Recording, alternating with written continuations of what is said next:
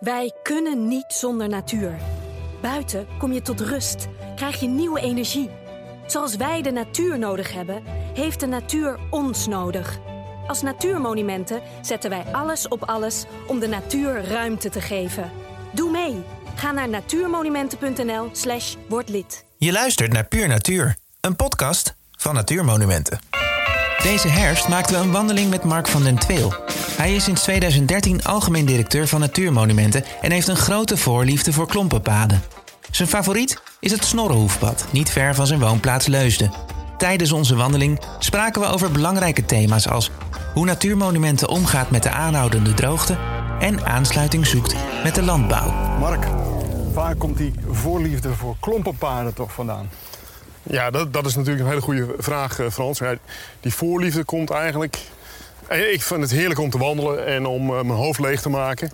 Maar de Calvinist in mij zegt, je moet er ook wat van opsteken. Dus, en dat vind ik bij die klompenpaden ongelooflijk mooi. Hè. Die heb je in de provincie Gelderland en Utrecht. En daar kan je eigenlijk een beetje het boerenland beleven. Zoals dat er oorspronkelijk ook uit heeft gezien op heel veel plekken. En het zijn paden die heel erg een verhaal vertellen. Dus over de mensen die er geleefd hebben. eh, wat ze daar nu doen. Wat voor dieren daar voorkomen. Wat de natuurwaarden zijn. De cultuurhistorische waarden. Dus er zitten echt prachtige omlijstende verhalen omheen. Ja, daar kan ik gewoon oprecht van eh, genieten. En nu heb je ons meegenomen naar het Snorrenhoefpad.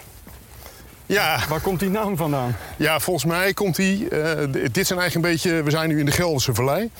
En dit, hier heb je eigenlijk de wegen. De- hier heb je ook de Hessenweg loopt hier. Die heb je op meerdere plekken in Nederland. Hè. Dan kwamen de handelslieden uit Duitsland. Die trokken naar de Randstad toe. Dat was toen natuurlijk nog niet de Randstad. Maar de grote steden in het westen van het land. Die kwamen met Hessen. En daar vandaan eh, gingen ze handel drijven. En eh, ja, dat bracht allerlei grote handelaren met zich mee. Met grote karren, met paarden en met veel handelswaar. Maar ook de kleine snorders, de kleine... En de kleine boefjes ook. Hè. Er waren heel veel zwervers, eh, landlopers, kleine handelaren, kleine scharrelaars. En daar komt die naam eh, volgens mij vandaan. En die vestigt zich hier ook. En waar we nu staan, eh, er zat ook bijvoorbeeld een opvanghuis voor landlopers in de vorige eeuw.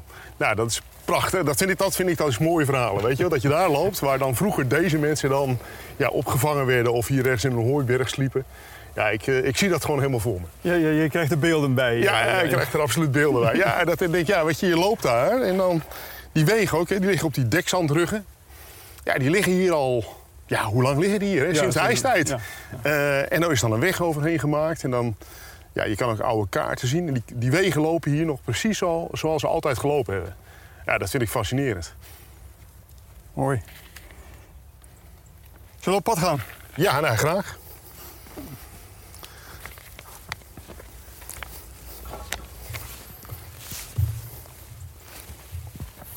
Kijk, dit is de Modderbeek. De Modderbeek. Ja, Ook alweer zo'n mooie naam. ja. Hier is eh, zo te zien eh, aangewerkt de laatste jaren. Ja, dit is de Modderbeek. Gezien de pitrus eh, die, die hierop komt. Ja, wat, wat, wat je hier heel erg ziet, hè, we zijn natuurlijk in de Gelderse Vallei. De Gelderse Vallei die zit overigens, voor een deel ligt die ook in Utrecht. Dat is trouwens heel, heel erg grappig. Maar die Gelderse Vallei is eigenlijk een kommetje. Dus er loopt water vanaf de Utrechtse heuvelrug en vanaf de Veluwe. Dat loopt dit gebied in. Dus dit was tot in de jaren 50 van de vorige eeuw. eh, had je hier enorme beken die enorm, hè, bij hoogwater enorm overstroomden. En wat in de afgelopen decennia is gebeurd, is dat al die beken die zijn gekanaliseerd. Het water wordt er doorheen geperst om het zo snel mogelijk af te voeren. Nou, we weten inmiddels dat dat ja, ook nadelen heeft. Hè? Het gebied verdroogt snel. Eh, het is slecht voor, eh, voor planten en dieren. Het is landschappelijk niet zo heel erg fraai. Dus, dus op heel veel plekken is er nu aan gewerkt om die beken weer te laten meanderen. En die modderbeek, ja, er zijn hier dus allemaal van beken, die, die komen allemaal uit in het Valleikanaal, wat de ontwatering zorgt naar de, naar de randmeren toe, naar het Markenmeer, naar het IJsselmeer. Eh, ja, en op heel veel plekken heeft het waterschap samen met boeren en samen met natuurbeschermingsorganisaties ervoor gezorgd dat die beken weer zijn gaan meanderen. Dus op de Noordwest-Veluwe hebben ze dat gedaan met de Leuvenumse beek. En hier met de Modderbeek. En ja, en dit zijn ja, landschappelijke pareltjes geworden, waar het voorheen een ja, saaie sloot was, zeg maar. Hè. Eh, Niks mis met sloten, maar de- deze is echt eh, prachtig geworden. En ja, een enorme rijkdom aan planten en diersoorten ook. En hij, heeft nog water. En dat na eh, zo'n lange droge periode... waar in Oost-Nederland heel veel beken nu droog staan. Ja, nou ja, je ziet het effect van meanderen. Hè? Dus van een beetje de natuurlijke loop terugbrengen. Dat zo'n beek langer water vasthoudt.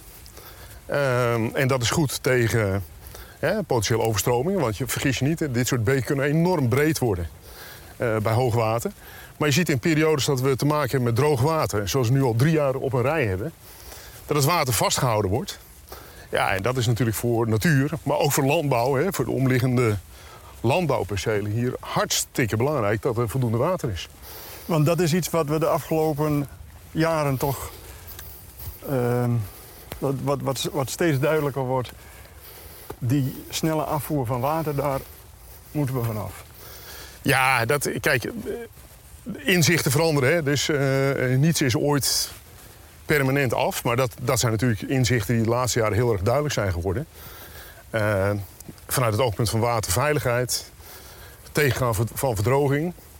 Maar ook gewoon om, eh, ja, waar wij natuurlijk primair voor staan... ervoor te zorgen dat planten en dieren ook ruimte hebben om eh, te migreren... tot volle wasdom te komen. Dus dat is wel een vrij recent inzicht, zou je kunnen zeggen. En op heel veel plekken gaat het ook echt weer de goede kant op. En ja, wat ik zei, hè, waterschappen, boeren, natuurbeschermingsorganisaties... werken op steeds meer plekken in Nederland samen om dit, om dit soort pareltjes terug te brengen. Gaat het snel genoeg? Ja, het gaat natuurlijk nooit snel genoeg. Hè. Dat is ook het ongeduld. Dit is onze missie, hier staan wij voor. Maar ja, de werkelijkheid is natuurlijk ook... Ja, ik bedoel, in een druk bevolkt land moet je dingen met elkaar regelen. En heb je ruimtelijke ordening en planningsprocessen. Dit gaat over eigendommen van mensen. Daar moet je, je moet ook met elkaar natuurlijk gewoon goede afspraken maken. En dat kost tijd. Ehm, en het mooie hier vind ik, dat is ook wel een beetje karakteristiek voor de streek... is dat het ook gewoon samen gebeurt. Eh, en volgens mij, dat is zo'n spreekwoord hè, van... alleen ga je sneller, maar samen kom je verder. Nou, daar geloof ik wel sterk in. Dit moet je echt samen doen. Maar in zijn algemeenheid kun je zeggen dat gemeentes, provincies... Hè, die gaan natuurlijk over de ruimtelijke inrichting van ons land. Over de plannenmakerij en de wetten en de regels. Waterschappen, die natuurlijk verantwoordelijk zijn voor de kwaliteit van het oppervlaktewater... en voor veiligheid. En boeren en natuurorganisaties, die vaak de grondeigenaren zijn. Ja, die partijen moeten met elkaar toch om tafel... en gaan bekijken hoe je dat dan gaat, gaat, eh, gaat aanpakken. Want je ziet nu in Oost-Nederland dat door droogvallende beken allerlei vissen en ander leven sneuvelt. Als we dit zo jaar op jaar houden, dan, dan, dan eh, verdwijnt het beekleven eh, volledig. Ja, ik, ik Dus heb... er is wel iets urgents aan de hand. eh. Ja, ik denk dat, het, dat we daar veel bewuster van zijn geworden in de afgelopen paar jaren. Kijk, één droge zomer is nog iets anders. Maar nu zijn we met het derde op één volgende jaar met droge voorjaren en droge zomers bezig.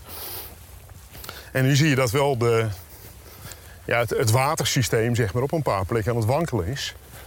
Ehm, en ik, ik heb het ook in Oost-Nederland gezien, hè, op de Sallandse Heuvelrug. Eigenlijk heel hoog gebied. En daar heb je beken en daar groeit dan dopheide in. Nou, je moet je bedenken dat dopheide groeit op de meest schrale, arme, droge grond. Ja, dat groeit daar in beken. Ja, dat, dat is... Ik sprak daar met mensen, ja, dit heb ik in mijn hele leven nog nooit gezien. Ehm, dus het laat zien dat er wel wat aan de hand is. Eh, en daar moeten we aan werken. En dat gaat dus op sommige plekken echt go- gewoon goed. Maar op heel veel plekken moet er echt wel een tandje bij. En ehm, wat doen de natuurmonumenten eraan om eh, te- ervoor te zorgen dat dat tandje erbij komt? Wat wij doen is natuurlijk, hè, we praten in de politiek, we praten met ambtenaren, met politici, met bestuurders. We zijn heel erg actief samen met de waterschappen. Noordwest-Veluwe de Leuvenumse Beek. Eh, ja, die zijn we gaan laten meanderen. Daar, eh, die loopt dwars door het bos heen. Dat is een fantastisch voorbeeld waar we samen met het waterschap aan gewerkt hebben. Eh, dus we proberen waar wij kunnen en waar we eigendommen hebben... ook heel erg actief mee te werken aan dat beekherstel in Nederland. Maar kijk Frans, dit is toch prachtig? Ja, ik bedoel, Ja, dit is... ik vind het echt heel mooi. Ja. Ja, verderop heb je ook nog wat beken, weet je, dan heb je wat van die hogere randen en dan zitten dan uh, ijsvogels. Ja, weet je, dan zie je zo'n blauwe flits voorbij vliegen. En dan uh, weet je dat er een ijsvogeltje geweest is, maar je bent eigenlijk te, te, langzaam geweest om het echt te zien. En dan, uh, ja, dat geeft, daar word ik wel vrolijk van. ringslangetje wat je daar ziet zwemmen.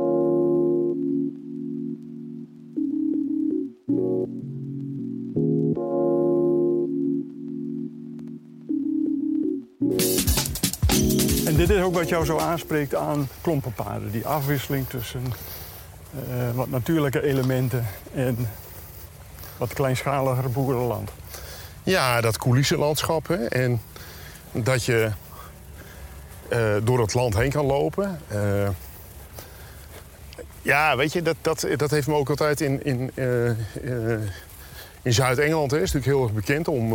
of Engeland is heel erg bekend natuurlijk om die die public foodways. Hè, dus dat je overal mag komen. Ja, dit, dit uh, stimuleert ook nieuwsgierigheid. En ik vind dat kleinschaligheid hè, en die, dat coulissenlandschap... Van, wat we op heel veel plekken in Nederland gelukkig nog hebben...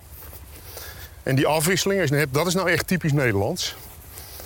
Uh, dit is, dat misschien in oppervlakte niet groot en meeslepend... maar wel qua uh, gevoel en qua beleving. Dus ik kan echt heel erg blij worden van dit beetje hier. Wat hier heel goed gebeurd is, hè, dus die klompenpaden... die zijn door uh, de erfgoedorganisaties in Utrecht en Gelderland hebben die opgezet. Hè. Die zijn er eigenlijk mee begonnen. Dus in deze twee provincies heb je er ook meer dan 100. Uh, eh, die allemaal zo'n rond de 10 kilometer lang zijn. Waar je dus dwars door het landschap kunt, kunt avonturen. Ja, in de andere delen van Nederland zijn er veel te weinig van dit soort paden, eerlijk gezegd. Maar daar zat echt wel het gevoel in. De mensen die dat hebben gedaan bij uh, Landschap Erfgoed Utrecht en Landschap uh, Weer Gelderland. Die hebben echt gezegd, we willen ook weer mensen laten ervaren. Hè. De grote natuurterreinen zijn natuurlijk opengesteld. en Daar werkt Natuurmonument ook hard aan. Maar we willen mensen ook dat kleinschalige landschap dicht bij huis... wat hele grote waarde heeft, cultuurhistorisch, maar ook aan biodiversiteit... gewoon dichter bij mensen brengen. En dat is wel een beetje een gat, zeg maar, waar wij vanuit Natuurmonumenten toch uh, veel minder mee bezig waren. Mee bezig waren, zeg jij. Is dit iets wat, eh, waar Natuurmonumenten nu dan wel meer mee bezig is? Ja, ik denk dat als je...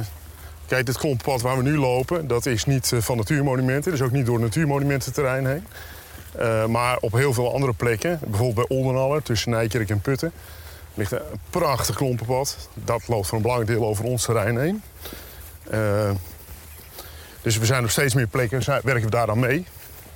En Natuurmonument is de laatste jaar natuurlijk ook veel sterker zich ook gaan bezighouden met, laten we zeggen, cultuurhistorie, cultuurhistorisch landschap. En de verhalen erachter tot leven brengen. Daar zijn we ons. Weet je, dat heeft veel meer aandacht gekregen dan dat het een paar jaar geleden kreeg. En dat komt ook voort uit het feit dat heel veel Nederlanders dat natuurlijk enorm op prijs stellen. Hè. Wie, ben ik? Waar kom ik vandaan? Uh, liepen mijn voorouders hier. Weet je, die mensen, heel veel mensen zijn natuurlijk ook geïnteresseerd in die verhalen. Uh, en dat gaat over liefde voor het landschap. Er zijn te weinig van die klompenpaden, maar is het probleem ook niet dat er te weinig authentiek boerenlandschap is om klompenpaden doorheen te leggen? Uh, ja en nee. Kijk, op heel veel plekken is het er gelukkig nog wel. Uh, en tegelijkertijd, dat is in de Achterhoek bijvoorbeeld heel duidelijk gebeurd. Hè. Daar zag je dat op een paar plekken die klompenpaden... want ze heten steeds ergens anders. Hè. Uh, hier noemen ze klompenpaden. Maar schouwpaden van waterschappen of jaagpaden of kerkenpaadjes. Op heel veel plekken zijn die er nog wel, maar je moet ze gaan zoeken. Of ze zijn niet meer toegankelijk. En wat hier gebeurt is, het gebied waar we nu liepen... dat was niet toegankelijk. En het is weer toegankelijk gemaakt omdat ook boeren zien dat dit heel erg helpt bij... Uh, ja, je laat je werk zien, hè? Je, uh, je showroom, zeg maar. Dus uh, het triggert ook boeren om hier aan mee te werken. Omdat dat, uh, ja, weet je, ook wel een beetje de, de trots terugbrengt. Kom eens kijken wat ik allemaal te bieden heb.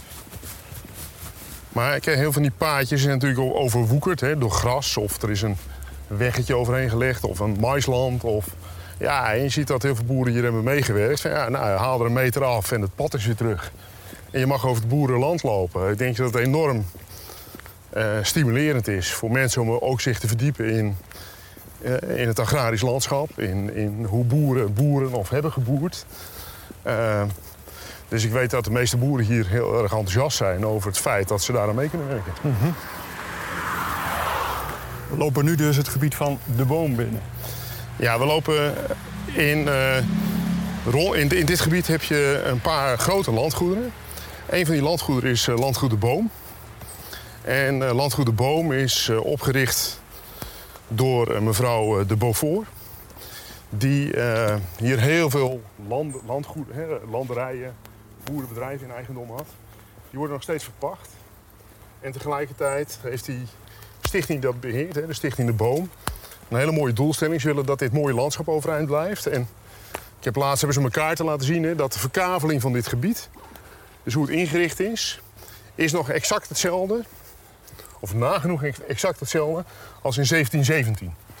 Dus ze hebben, dit is een mooi landschap, we willen dit conserveren en tegelijkertijd willen we er ook geld mee verdienen. En dat vind ik een interessante combinatie. En er zit nog een mooie dimensie in, dat het, eh, het rendement wat daarmee gemaakt wordt, wordt voor een belangrijk deel ook gestoken in allerlei sociale organisaties hier in de buurt. Dus ik vind dat een hele mooie ja, winst voor drie dubbelaar, zeg maar. Hè? Zorgen voor het landschap, eh, een goede boterham verdienen en er ook nog verstandige dingen mee doen voor de samenleving. Dus ik, vind dat, ik kijk altijd met, eh, met plezier naar dit soort initiatieven. Nou ja, het is hier op een paar plekken gewoon heel goed bewaard gebleven. En dat zie je dan door zo'n stichting de boom die je gewoon ook echt overwaakt. Ja. Als je 10 kilometer verderop gaat, nou niet eens. Tussen, ik heb het voorbeeld wel vaker gebruikt, tussen Nijkerk en Hoeverlaken. Eh, ik weet dat ik in de eerste klas van de middelbare school... had je van die luchtfoto's van dat gebied. Daar waren we heel trots op natuurlijk, want het ging over ons. Hè. Ja. Eh, en dan zag je de foto's, de luchtfoto's van... en er stond dan bij, niet als bijzonderheid... maar het typische coulissenlandschap tussen Nijkerk en Hoeverlaken. Als je daar nu komt... Ja. Ja, je en het raar is, je kan niet zeggen wanneer het verdwenen is. Hè? Het is een heel lang slu- Ik heb het eigenlijk ook nooit in de gaten gehad. Het is een lang sluipend proces geweest. Hè? Van ja, je haalt die hakhoutbosjes weg. Het gaat langzaam. Eh, maar ja, daar is dat verdwenen. Eigenlijk in een periode van eh, nou ja, 30 jaar tijd, zeg maar. En hier is het nog. Maar hier is iemand die heeft gezegd, jongens, dat gaan we bewaren. Het is ook... eh, er moet iemand zijn die daarvoor opkomt, hè?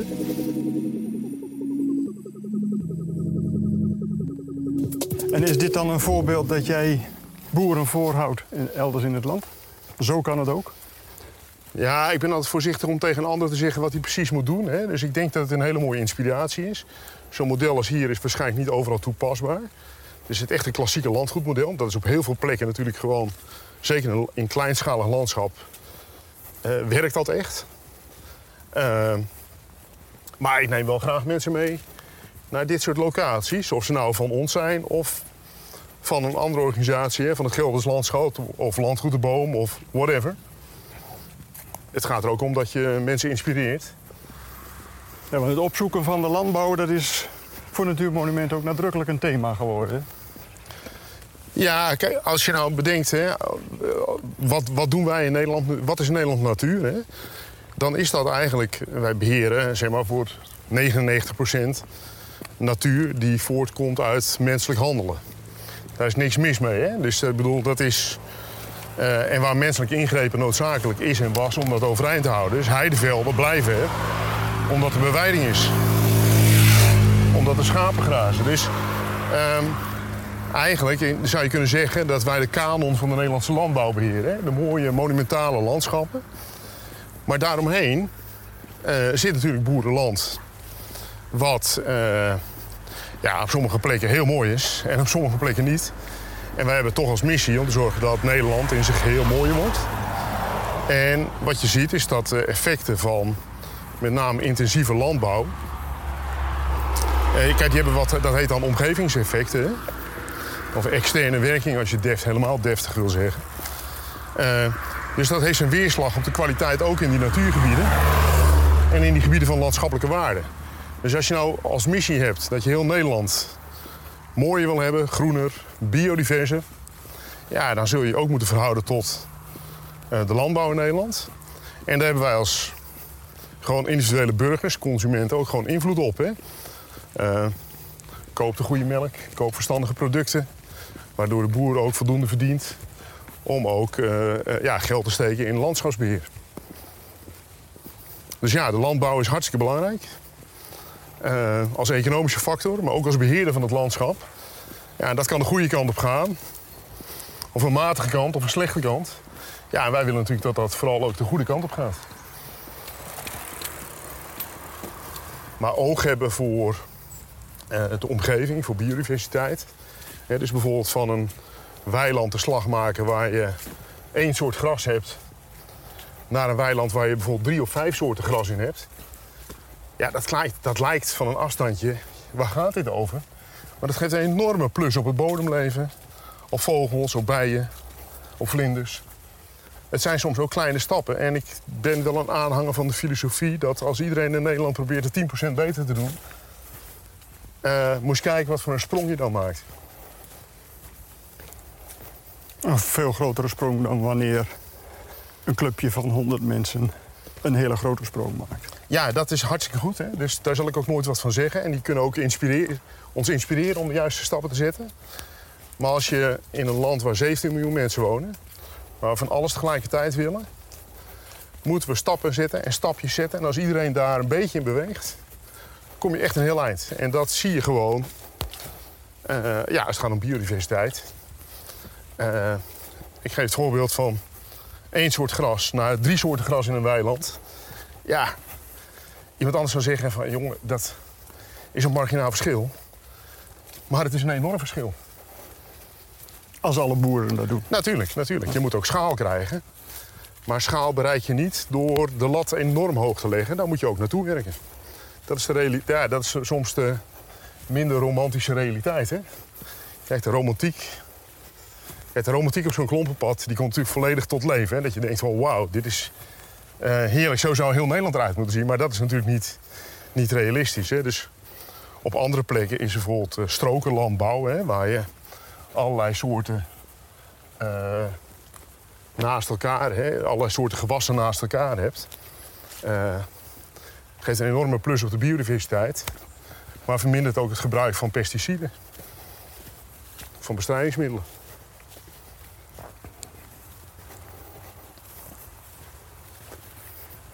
En heb je er een beetje vertrouwen in dat, ehm, dat boeren mee willen bewegen die kant op?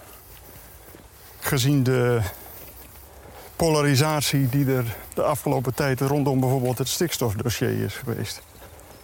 Nou, dit is niet de meest gemakkelijke tijd voor debatten. En ik geloof ook dat we... Het wordt ook tijd om debatten achter ons te laten. Ik vind debatten ook... Kijk, wat je moet hebben is dialogen. En geen debatten. Dus eh, probeer goede oplossingen te vinden. En eh, ja, het gaat momenteel allemaal wat hardhandig, over en weer.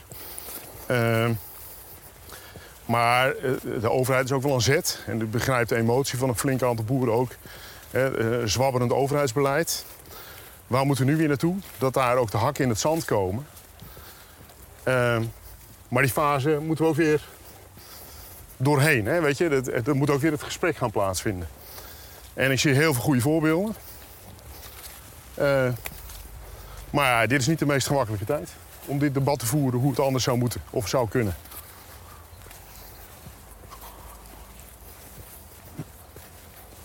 Hoe, ga, hoe gaan we dat stikstofdossier oplossen? Ja, het stikstofdossier. Uh, kijk, het zou moeten zijn: iedereen moet een evenredig deel van het probleem pakken. Dus industrie, luchtvaart, uh, mobiliteit, uh, landbouw. Ja, we zullen toch die maatregelen moeten gaan treffen. en dat is een combinatie van het is eigenlijk een tweesnijdend zwaard. Hè? Dus aan de ene kant moet je zorgen dat er reductie aan de bron komt, hè? om maar deftig te zeggen. Dus waar wordt stikstofuitstoot veroorzaakt? Daar zul je hem terug moeten brengen. Maar de andere kant is dat we moeten gaan investeren, meer dan dat we nu doen, in uh, robuuste natuur.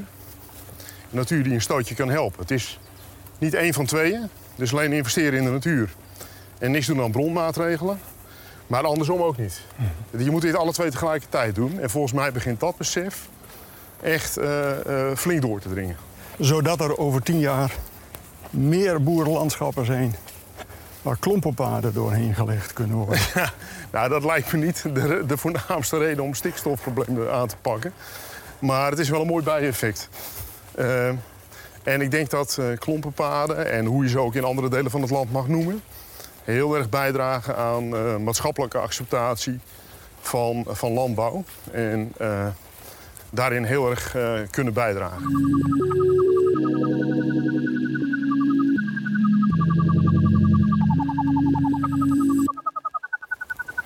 Nog eens een heel ander aspect, Mark. Zouden die klompenpaden kunnen helpen om de recreatiedruk op de natuurgebieden te verminderen? Ja, dat is een goede. Dat is wel een van mijn stokpaardjes, eerlijk gezegd. Is dat je ziet... Kijk, wij willen iedereen eh, van harte verwelkomen in de natuur natuurlijk. Maar we zien ook tegelijkertijd hè, dat het op sommige plekken... Uh, ja, ook wel eens heel erg druk kan worden. En de herwaardering en de herontdekking van het Nederlands landschap... ja, dat, dat juichen natuurlijk enorm toe. Maar tegelijkertijd brengt dat wel nieuwe uitdagingen met zich mee. En ik zou zeggen meer openstellen van schouwpaden van waterschappen waar dat kan. Dit soort klompenroutes. Uh, groen wat nu afgesloten is om allerlei redenen. Dat alle grondeigenaren... Ja, het zou fijn zijn als ze allemaal een bijdrage zouden, zouden leveren om... Zeg ook die stroom aan mensen een beetje te spreiden. Dat zou enorm helpen. En overigens kan je daarbij heel, ook heel andere kanten op denken. Hè? Dus ik was een tijdje geleden op de Vanberg. Dat is die grote afvalberg, hè, voormalige afvalberg in Drenthe.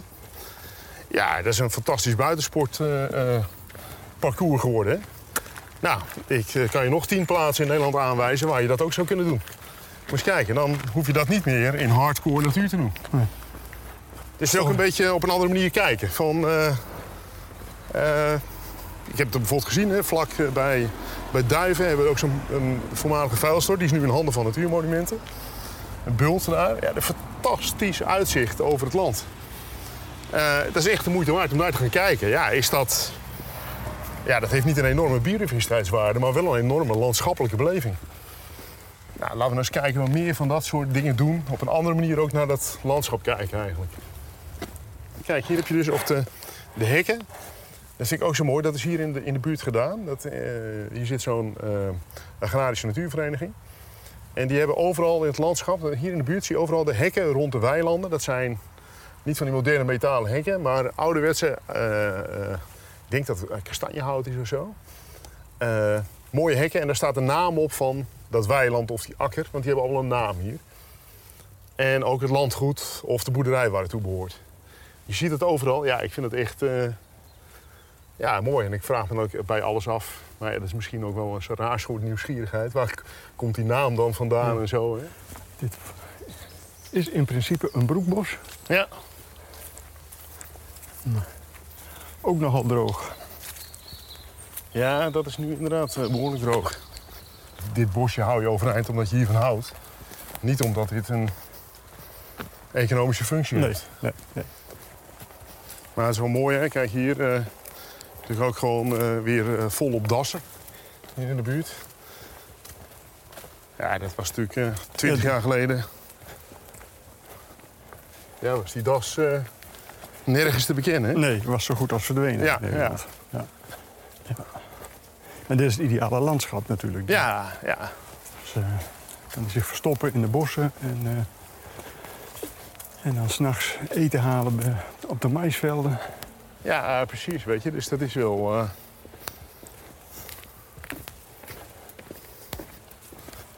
Maar ik, ik vind de simpelheid van zo'n pad... Hè. Ik bedoel, we lopen, we lopen hier nou, hè. Dus er ligt een bruggetje. Dat is, je hebt het pad en je hebt hier 50 centimeter wat gemaaid... zodat je tussen de weilanden en tussen het bos door kan lopen. Ja, meer is het natuurlijk eigenlijk niet, hè. Maar ja, je kan dit ook dicht houden. Dit is dus een laan, laan geweest. Ja.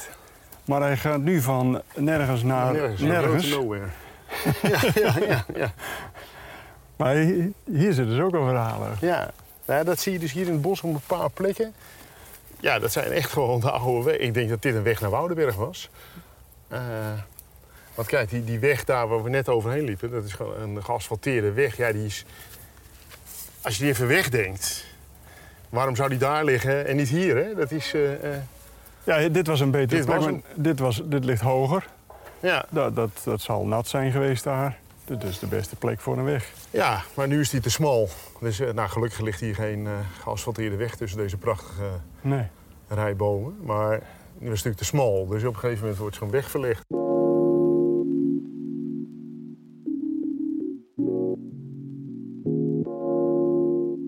Waar, waar komt die fascinatie vandaan, van die geschiedenis van het landschap? Ja, dat is bijna filosofisch. waarom ben je zoals je bent? Hè? Dus, eh, goedemiddag. Ja, is het een zoek, zoektocht naar waar je vandaan komt?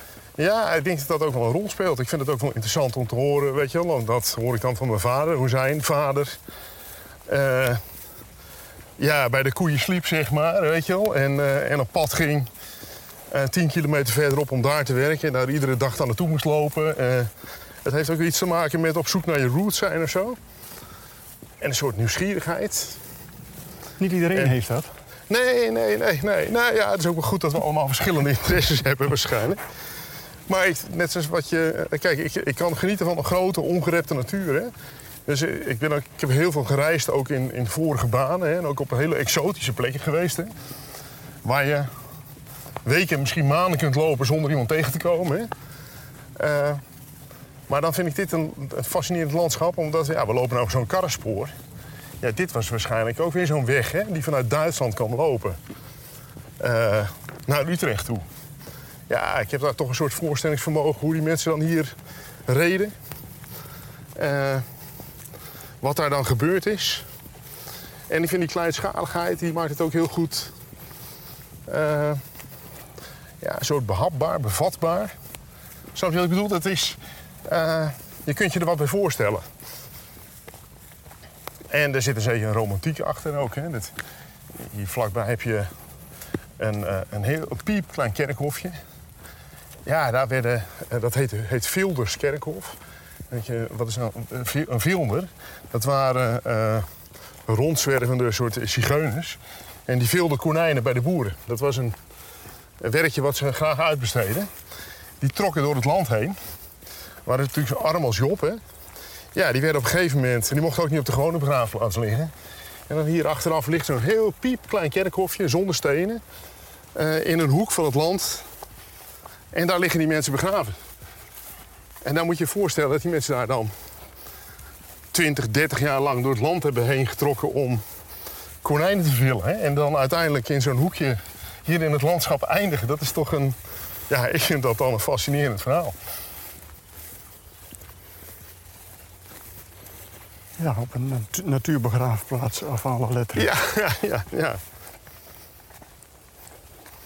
Hier loop je naar eh, de Glint toe. Dat is een klein dorpje. Eh het heet Jeugddorp de Glint. Zo, Dat is niet de officiële naam. Maar eh, heel veel opvang van eh, jongeren in moeilijke situaties. En dat gebeurt al sinds de, volgens mij halverwege de 19e eeuw. Eh, in dat dorp, waar rijke families waren die dan ook zeiden van ja, weet je, je mag bij mij pachten tegen een boer. Eh, maar dan moet je wel een jongen of een meisje uit een problematisch eh, gezin opnemen. En dat is eigenlijk nu een beetje geïnstitutionaliseerd. Hè? Dus er zijn nu heel veel eh, organisaties die daaraan werken. En, en heel veel gastgezinnen daar. Dus je ziet daar hele grote gezinnen. Maar dat zijn met heel vaak met eh, eh, ja, behoorlijk wat pleegkinderen. Dus het waren rijke mensen met een sociale inslag. Ja, kijk, dit is natuurlijk... De, de traditionele Garitas komt natuurlijk oorspronkelijk van rijke mensen die... eh, of uit religieuze of uit humanitaire overweging vonden ze die verplichting hadden. En op een gegeven moment, nou ja, daar is natuurlijk van alles... eh, daar mogen we ook heel blij in zijn. Maar natuurlijk ook de staat daarin eh, gesprongen. Met sociale voorzieningen. Maar dat is natuurlijk eigenlijk nog een relatief nieuw verschijnsel. Hoor. Als je het in onze geschiedenis bekijkt. Goed, daar doen ze het dan al ruim anderhalve eeuw in de, in de Glint. En kennelijk heeft dat dorp zijn eigen, da- daarmee zijn eigen karakter gekregen. Ja, ja. En dat zal ook zijn weerslag hebben op de mensen die daar, eh, die daar eh, wonen en opgegroeid zijn. Ja, ja dat, zeker. Dat is dus dan... Ja, dat maakt mensen tot wie ze zijn. Hè? Dus misschien het is die combinatie van landschap en geschiedenis. En, eh, ik denk dat je daar heel anders naar kijkt als je daar vandaan komt. Naar sociale issues dan wanneer je daar ja, gewoon nooit mee te maken hebt gehad. Hè?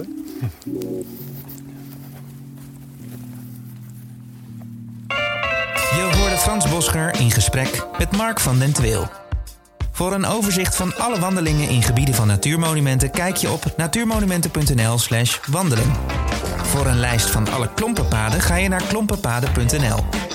Wil je geen aflevering van deze podcast missen? Abonneer je dan in je favoriete podcast-app. Wil je meehelpen de natuur en het culturele erfgoed in Nederland te beschermen? Kijk dan op www.natuurmonumenten.nl/slash. Bedankt voor het luisteren naar deze aflevering van Puur Natuur. En tot snel in een van onze gebieden of in je koptelefoon.